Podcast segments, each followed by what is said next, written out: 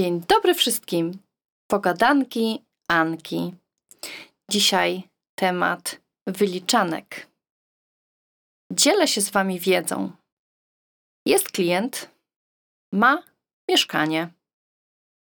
Jak się za to zabrać? Czy pośrednik jest nam potrzebny? Czy aby dobrze to zrobi? I czy na pewno zrobi to lepiej niż ja? Jakie zadawać pytania? Jak sobie potem poradzić z tymi ludźmi, którzy przychodzą? Na te pytania i kilka jeszcze innych pewnie mi się nasunie, chcę Państwu dzisiaj o tym opowiedzieć.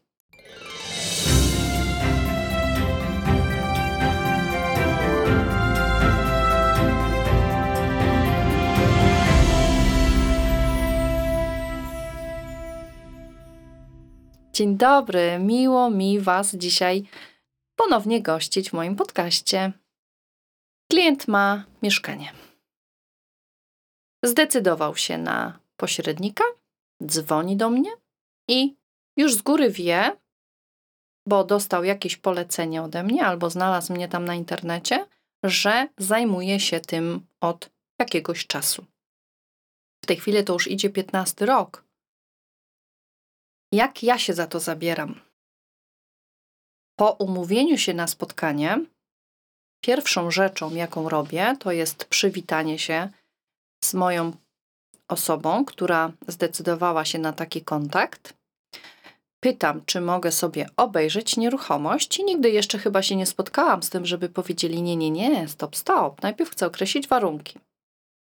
Chociaż czasami jest tak, że to najpierw określam warunki, a potem sobie oglądam nieruchomość, ale zazwyczaj robię to w odwrotnej kolejności, bo tak jest prościej, bo wiem wtedy podczas tej rozmowy, mm, co można zaproponować klientowi i czy te jego chęć sprzedaży, na przykład w jakiejś tam określonej kwocie, jest adekwatna do tego, co udaje mi się sprzedawać w owej okolicy. Pośrednik na pewno pierwszą rzeczą, którą musi zrobić, to zbadać, czy osoba, która do mnie zadzwoniła, jest właścicielem mieszkania.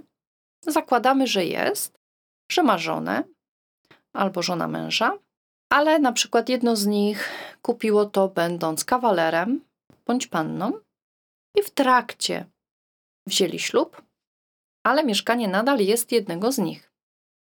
Albo na przykład są małżeństwem, i otrzymali to mieszkanie w spadku lub darowiźnie. Jakie dokumenty? Przede wszystkim to ja muszę ustalić, jakie jest prawo i kto te prawo do owej nieruchomości lokalowej ma. Zakładam, że jest to pan X, a pani Y e, fizycznie jest w małżeństwie. Sprawdzam, czy rozszerzał wspólnotę małżeńską o tą nieruchomość. Jeśli nie, to pan jest jedynym właścicielem. Sprawdzam wtedy stan prawny, czyli na jakiej podstawie pan stał się tym właścicielem, bo mógł to być przydział lokalu, czyli zamiana z lokatorskiego na spółdzielcze, ze spółdzielczego na przykład na własnościowe, albo od razu w odrębną własność, bo też były takie przypadki, kiedy można było wykupić nieruchomość lokalową od spółdzielni. Za wtedy chyba było przysłowiową złotówkę. Jak już mam tą wiedzę, to już wiem, że na przykład mieszkanie ma prawo do lokalu spółdzielcze ograniczone prawo rzeczowe na rzecz spółdzielni albo odrębną własność lokalu. Wtedy wiem, że muszę sprawdzić, czy jest opłacony grunt na te 20 lat, bo były takie przepisy i możliwości skorzystania z ulgi, jeśli się to opłaciło z góry. Jeśli tak jest, to muszę sprawdzić księgę dział trzeci, czy zostało to wykreślone.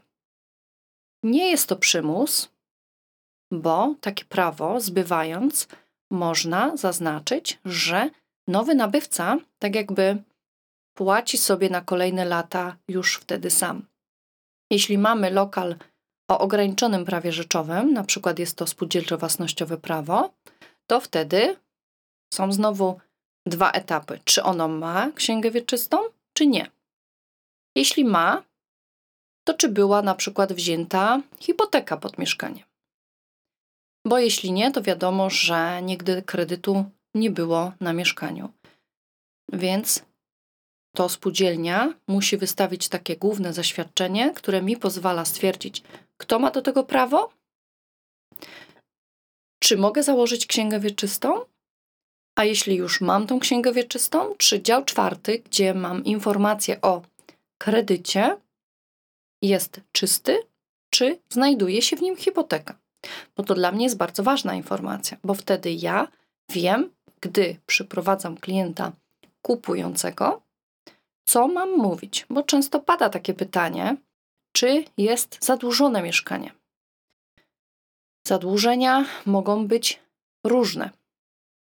Zadłużenie właśnie z tytułu hipoteki, zadłużenia z tytułu na przykład niespłaconych swoich należności finansowych i zajęty dział trzeci poprzez komornika, ZUS, nie wiem, opłaty podatkowe, osoby prywatne, czy zadłużenia w spółdzielni. To bardzo ważne jest, aby sprawdzić. I to robi pośrednik. Powinien zrobić to przy pierwszym spotkaniu. Ustalić takie ważne rzeczy na podstawie jednego dokumentu, czyli prawa do własności. W następnych moich czynnościach, kiedy już mam to ustalone, to omawiam z klientem swój zakres czynności. Najpierw muszę też wysłuchać tego, czego klient sobie ode mnie życzy. Czy zależy mu na tym, żebym ja tylko mu znalazła klienta, czyli dała ogłoszenie, zrobiła dobre zdjęcia i przyprowadziła tego klienta? Czy on chce całej obsługi wraz z doprowadzeniem do aktu, z przekazaniem potem mieszkania i zrobienia, tak jakby za niego usługi u dostawców mediów, czyli protokoły zdawczo-odbiorcze. To są bardzo ważne rzeczy, o które warto zapytać, na który, o których warto pomyśleć, bo może ktoś się czuć na siłach i na przykład sam chce sobie pobiegać po spółdzielni, po gazowni, po, po tauronie. Może sam sobie potrafi rozmawiać z klientami. Może on tylko nie potrafi zrobić zdjęć albo wirtualnego spaceru, ale ma tyle czasu, że czuje się na siłach sam pewne rzeczy zrobić, jak najbardziej. Wtedy ja ustalam, co w moim obowiązku jest, do jakich ja czynności się zobowiązuję na umowie pośrednictwa i jakie wtedy będzie moje wynagrodzenie. Jeśli, i to najczęściej tak jest, klienci chcą od A do Z. To się tak mówi. Od A do Z. Czyli robimy przegląd tego, jaki jest stan prawny, czy są zadłużenia, jeśli tak, to jakie można spłacić, gdzie się trzeba udać, jakie zaświadczenia i dokumenty trzeba posiadać. Potem robimy zdjęcia, wirtualny spacer. Pośrednik wie doskonale, na jakie portale umieścić ową ofertę, jak rozmawiać z ludźmi, którzy do niego dzwonią. I od razu mówię, że dzwonią o różnych porach, a jeśli nie dzwonią, to piszą i to we wszystkich praktycznie możliwych sposobach, czyli telefon, SMS, Messenger, WhatsApp. Zadają czasem dziwne pytania, ale to ja się z tym zmagam. Ja to biorę wtedy na swoje barki. To jest moja odpowiedzialność za przebieg, za prawidłowe informacje klientowi popytowemu. Bardzo często, przychodząc już z takim klientem, na nieruchomość, zadają ludzie czasem takie pytania, na które właściciel nie do końca potrafi odpowiedzieć. Dlatego my, pośrednicy, zawsze mówimy, że pomagamy w negocjacjach. Negocjowanie to nie tylko negocjowanie kwoty, ale również sposobu zapłaty. E, klient popytowy gdy słyszy na przykład, że jest kredyt, to już ma strach w oczach wypisany. Ja to bardzo często widzę. I jestem od tego, żeby uspokoić, bo najczęściej się zdarzają klienci, którzy również będą zaciągać kredyt hipoteczny. I teoretycznie zaciągają ten kredyt, ale fizycznie tych pieniędzy nigdy ani jedna, ani druga strona ich nie widzi. Bo to się robi z banku do banku. Na to wszystko są potrzebne odpowiednie dokumenty i zaświadczenia. Nie wolno dopuszczać klienta do uczucia strachu, bo to żaden strach. Każdy ma prawo popełnić w swoim życiu jakiś błąd, każdy ma prawo w swoim życiu wziąć coś pod hipotekę, tylko w moim obowiązku jest wtedy udzielić odpowiednich rad i krok po kroku poprowadzić klienta do przodu. I wydaje mi się, że robię to dobrze. Przynajmniej taki mam oddźwięk z drugiej strony, bo to Państwo mi bardzo często piszecie, dzwonicie, dziękujecie, e, więc to doświadczenie mówi mi, że, że jest ok, radzę sobie z tym. Zresztą każdy dokument dostarczam do wglądu przed zakończeniem transakcji do notariusza. I gdyby było coś nie tak, to to jest ostatnia osoba, która jest w stanie wyłapać pewne nieprawidłowości. Często klienci pytają, właśnie jak sobie poradzić ze spłatami takich należności hipotecznych, jak to się odbywa i tak dalej, więc ja wszystko tłumaczę krok po kroku. Ale najczęstszym pytaniem klientów, y, którym prezentuję nieruchomości, jest pytanie o czynsz, co zawiera. I bardzo często klienci odpowiadają: Wie pan co, ja nie wiem, bo to żona się tym zajmuje. Dobrze, że ja chodzę do tych spółdzielni, bo przynajmniej wiem, mniej więcej, jak to w owej spółdzielni wygląda. Za co się płaci, co może być czynnikiem tych opłat i na co zwracać uwagę. Na przykład ostatnio zwróciłam uwagę, że pani, która mieszkała na, na trzypokojowym mieszkaniu, miała w czynszu 280 zł za opłatę zaliczkową na CO. Mieszkanie środkowe w połowie tak jakby pięter Wydaje mi się, że była to duża opłata. Dlatego pokierowałam panią, zanim jeszcze sprzedała nieruchomość, do mm, tego, aby poszła do spółdzielni, złożyła taki wniosek, takie pismo z prośbą o zmniejszenie naliczenia tej opłaty, żeby nie doprowadzać na przykład do zwrotów. Bo często się mówi, że a, wie pani co, potem mam duże zwroty i przez dwa miesiące nie płacę czynszu. Super, tylko że te pieniądze dzisiaj tracą na wartości, więc nie ma sensu każdego miesiąca płacić jakąś kwotę, którą i tak potem nam zwrócą pomniejszoną na przykład o tą inflację, która, która obecnie nas dotyka. Więc jeśli ja wiem, że mieszkanie ma taki i taki metraż, jak to wygląda u innych mieszkańców, mówię do pani, żeby poszła i na przykład zmniejszyła o 100 zł. I w wielu przypadkach jest ta zgoda spółdzielni. I często potem jest tak, że praktycznie te osoby wychodzą na zero. Potem po rozliczeniu oczywiście yy, tego CO rocznego. Także pilnujmy takich rzeczy. Ja czuję się w obowiązku dopatrywać się tych składników czynszowych, żeby doradzić, bo bardzo często ludzie pytają, a przy czteroosobowej rodzinie jaki to będzie koszt? No patrząc na to, jak śmieci wzrosły, yy, za wodę, Y, że są wyższe te opłaty za sprzątanie, za domofon, za coś, za coś, za coś. Mówię, że na przykład jeżeli tutaj mieszka jedna osoba i płaci tyle, już zakładając, że o te 100 zł pomniejszymy to mieszkanie, tą opłatę, to według mnie tyle i tyle powinno być. Ok, jest to wtedy do przyjęcia. Ale bardzo często zdarza się, że w ofertach jest informacja, że na przykład trzypokojowe mieszkanie ma czynszu, czynszu 350 zł. Może tak być, ale są to na pewno opłaty, które nie posiadają w swoich czynnikach śmieci ani zużycia wody. Więc od razu trzeba o takich rzeczach wspominać, że w sytuacji, jeśli przyjdzie 3-4 osobowa rodzina na takie mieszkanie, z automatu o około 200 zł im się ta opłata powiększy. Trzeba to ludziom mówić wprost, że to nie jest takie, jak pisze, że 350 zł, bo ktoś może nie mieszkać na owym mieszkaniu i nie czuje się w obowiązku płacenia za śmieci i zużycie wody, skoro z niej nie korzysta. Ma prawo, jak to się mówi, goły czynsz przedstawić.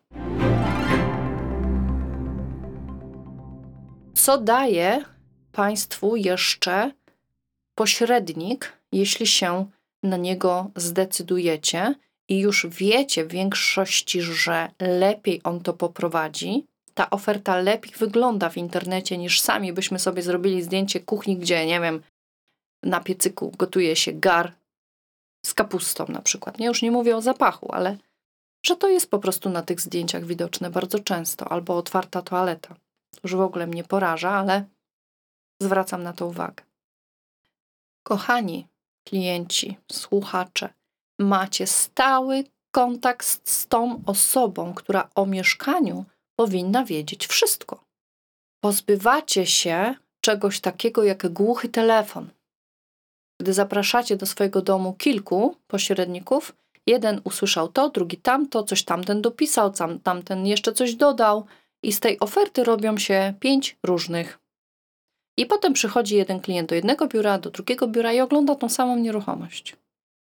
Już nie będę mówić o tym, jakie potem z tego wynikają galimatiasy, ale żeby, żebyście wy, Państwo, mieli ten spokój, warto współpracować z wybraną osobą, z przedstawicielem, który zna się na swojej robocie i wszystko krok po kroku wyjaśnia, robi, z czego jesteście Państwo w stanie nas potem rozliczyć.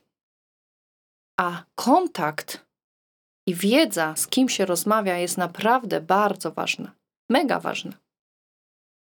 Bo zadowolenie klienta to w moim odczuciu dla mnie jest moje spełnienie. Ja po to pracuję.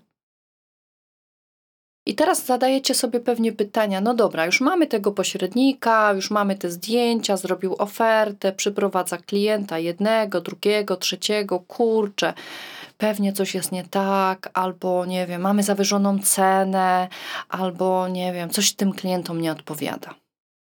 Ale co? Przecież mamy takie świetne mieszkanie. Kurczę, Zośka tak pięknie go urządziła, jest tyle kwiatów, tyle książek. Moi kochani, każdy klient ma swoje oczy. Każdy. To, co mnie się podoba, niekoniecznie Wam. Jeżeli przychodzi klient młody, najczęściej patrzy totalnie inaczej niż osoby w moim wieku czy starsze. Bo ja dorabiałam się, jak to się mówi, od łyżeczki. Mnie, dla mnie kiedyś było najważniejsze mieć cokolwiek, a młody, choćby nie wiem jak, no chyba, że jest bardzo luksusowo, ekstra zrobione, świeżo wyremontowane, to oczywiście młody na to pójdzie, ale gdy wchodzi na takie mieszkanie, w którym wy Państwo mieszkacie, to po pierwsze chodzi po tym mieszkaniu jak kot, próbując nie nastąpić na zabawki, które leżą, bo większość klientów naprawdę nie przygotowuje się do, do prezentacji. Czuje się dziwnie, kiedy Państwo jesteście na nieruchomości. Dużo łatwiej pracuje się, kiedy mieszkanie jest puste, oczywiście, ale kiedy mieszkańcy w nim mieszkają, to właśnie poprzez ten kontakt na początku ustalam też taką rzecz, czy byłaby możliwość, że na czas prezentacji możecie Państwo na przykład, nie wiem, iść na spacer z psem albo do sklepu, e, pozostawić na przykład albo jedną osobę na mieszkaniu, żeby, żeby po prostu sobie siedziała w kąciku i czekała, aż ja sobie klientów oprowadzę. Bo klient musi czuć komfort, bo my, ja patrzę oczami, wy pewnie też. Kiedy młodzi ludzie przychodzą, to oni patrzą dookoła, czy im się coś podoba, czy nie. Są też tacy klienci, którym, dla których nie ma znaczenia, co w mieszkaniu zostaje, bo on patrzy, że ma balkon, że ma zrobioną kuchnię, że jest to na tej i na tej ulicy, bo ma blisko do pracy, albo dzieci ma blisko do szkoły, albo jest babcia niedaleko i ułatwia im się to swoje życie. Inaczej będzie patrzeć starsza osoba, przychodząc na nieruchomość, bo ona na przykład może nie lubić skandynawskiego stylu, którym się większość klientów dzisiaj szczyci. Ona woli taki dywan, który jest przytulny. Ona woli trzy duże paprotki, które się, że tak powiem, pięknie chowają pod jej ręką. Do każdego klienta trzeba mieć tak jakby inne podejście. Staram się to podejście mieć i ja je zazwyczaj mam, kiedy jestem w stanie z tym klientem porozmawiać. Tak jak mówiłam chyba w, tam w kilku podcastach wcześniej, że ten kontakt jest dla mnie najważniejszy. To patrzenie sobie w oczy. Bo przecież to jest bardzo ważne, bo my kupujemy za często grube pieniądze, bierzemy kredyty na to i chcemy czuć komfort. Ja chcę Państwu ten komfort dać. My, jako pośrednicy, bierzemy ogromną odpowiedzialność na siebie.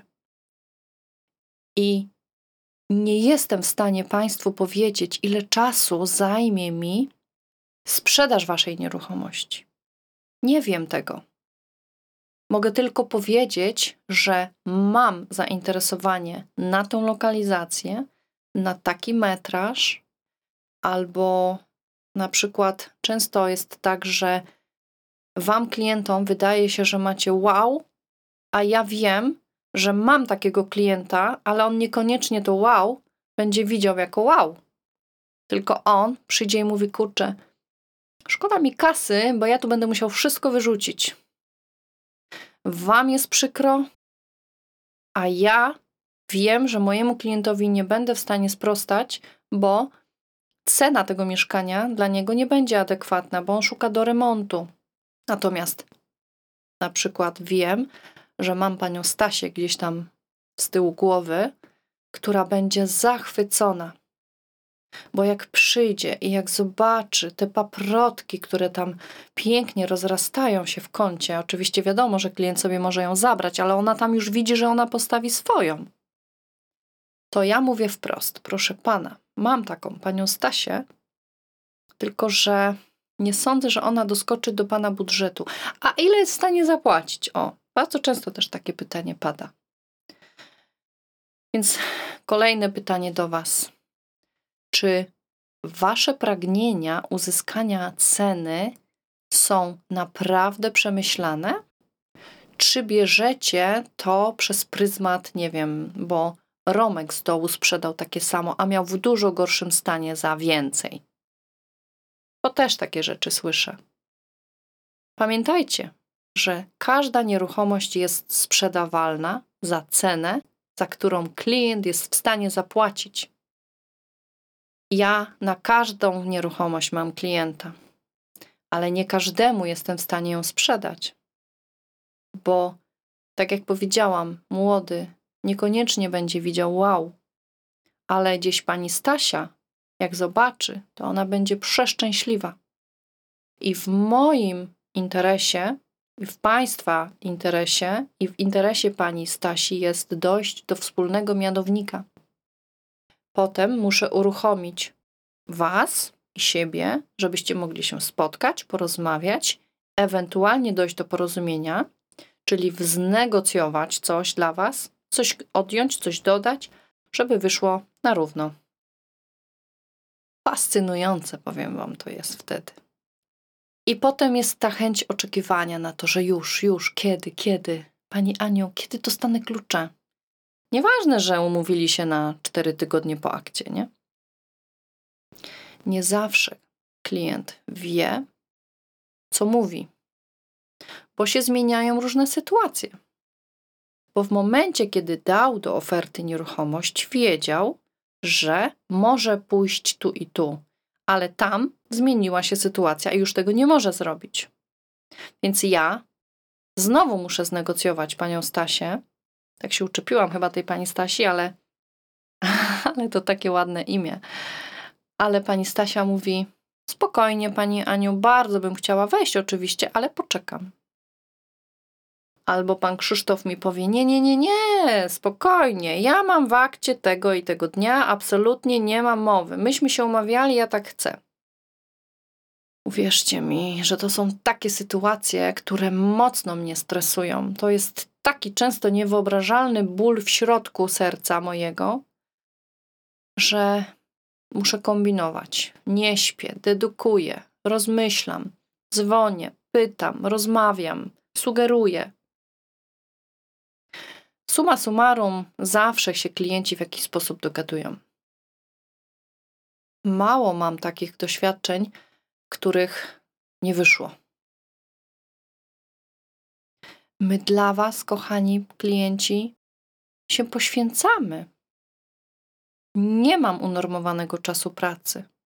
Nie wiem, ile dla Was będę pracować. Nie mam ustalonych roboczo godzin. Wiem, jaką stawkę powinnam przyjąć, oczywiście, ale łatwiej mi jest powiedzieć, za ile będę wykonywała czynności. Suma summarum wykazuje jakąś kwotę, na którą się Państwo zazwyczaj zgadzacie, i ja też, bo, bo klient często negocjuje ze mną. Ja to sobie szanuję, bo świadomy klient jest najlepszy klient. Bo on wtedy wie, że ma zrobioną robotę, tak jak trzeba.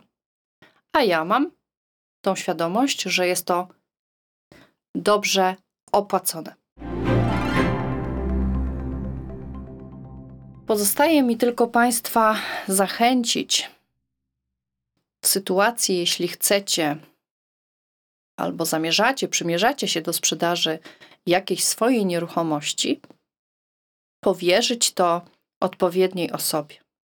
Już wiecie, na co zwracać uwagę. Ja opowiedziałam oczywiście tylko na przykładzie mieszkania, ale gdyby to był dom, to przy domach jest troszeczkę inaczej, jest dużo więcej dokumentów do załatwienia, ale to w innym odcinku. Przy gruntach również.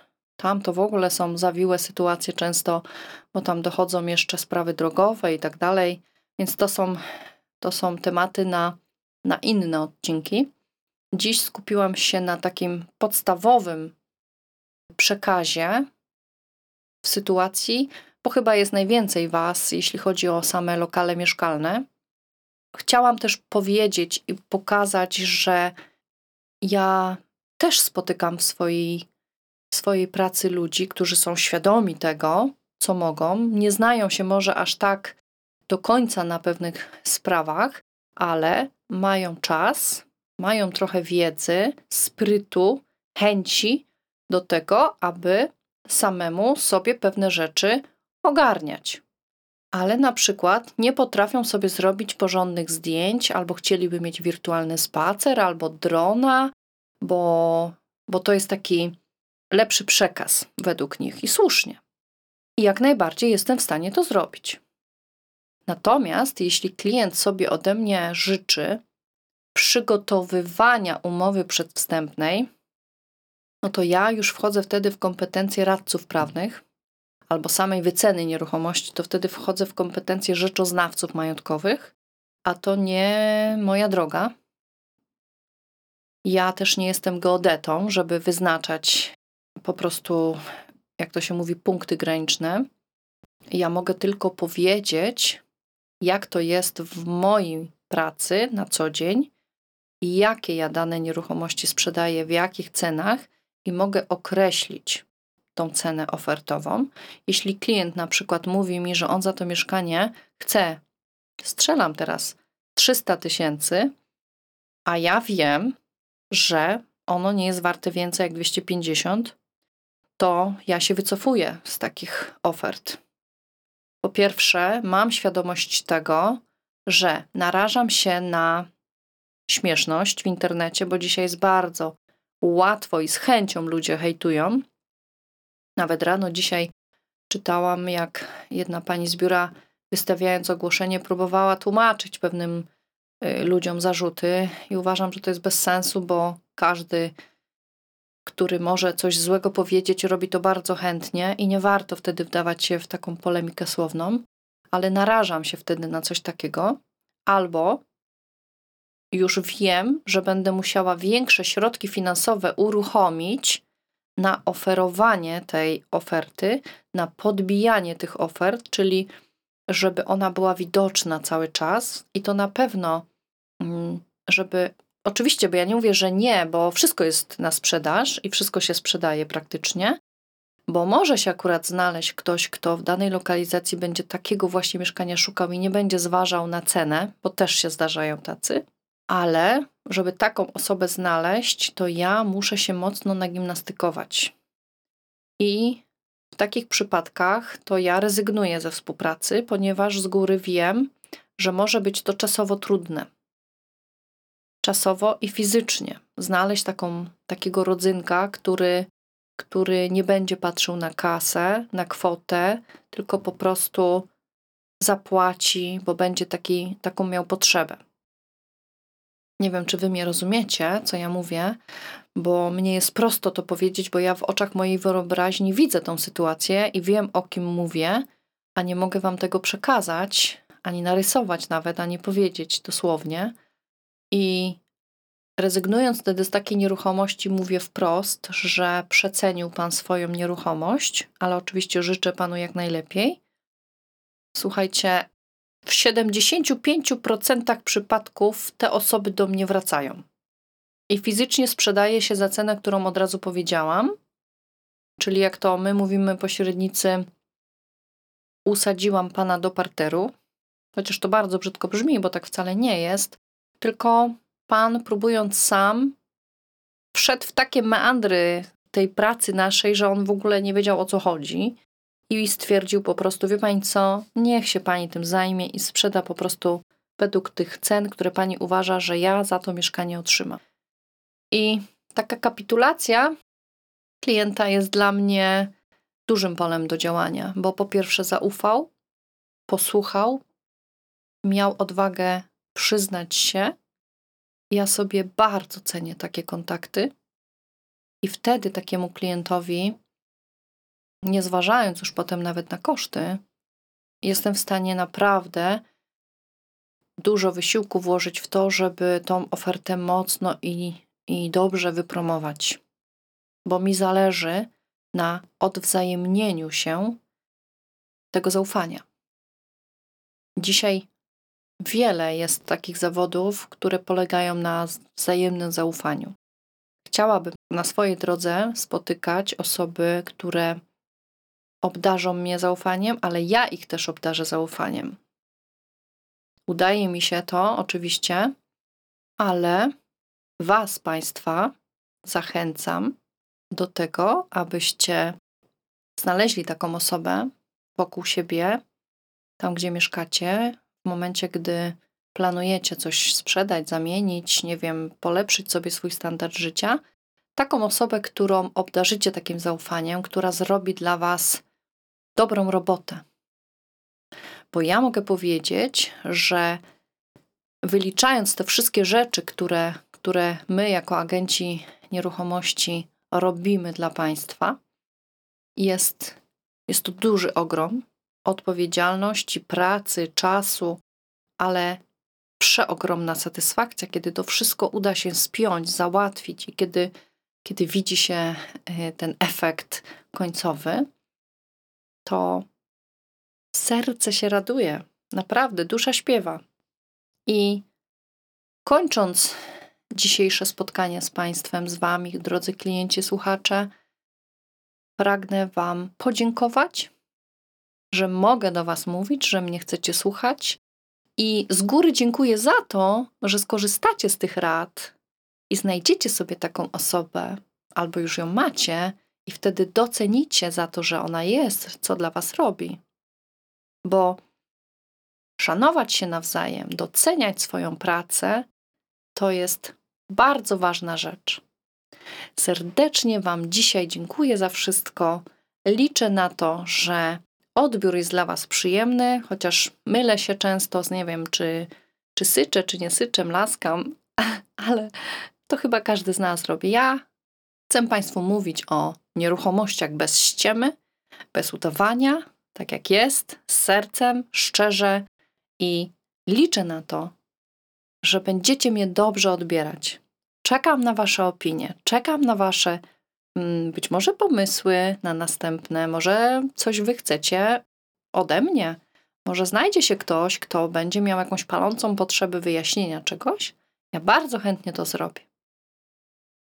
Liczę też na to, że spotkam się z Wami w następnych odcinkach, a muszę Wam powiedzieć, że mam naprawdę fajnych gości w zanadrzu świetne tematy. Myślę, że edukacja odnośnie nieruchomości jest naprawdę spora. Dzięki za wszystko. Serdecznie jeszcze raz pozdrawiam. Pa pa.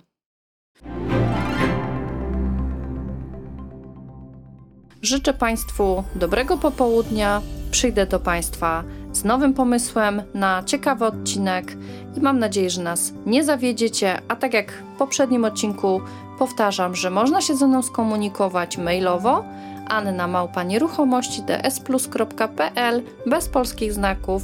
Chętnie odpowiem na hasło podcast, na wszelkie Państwa pytania. Czekam na Wasze opinie na temat tego, co do Państwa mówię. Pozdrawiam serdecznie. Pa pa!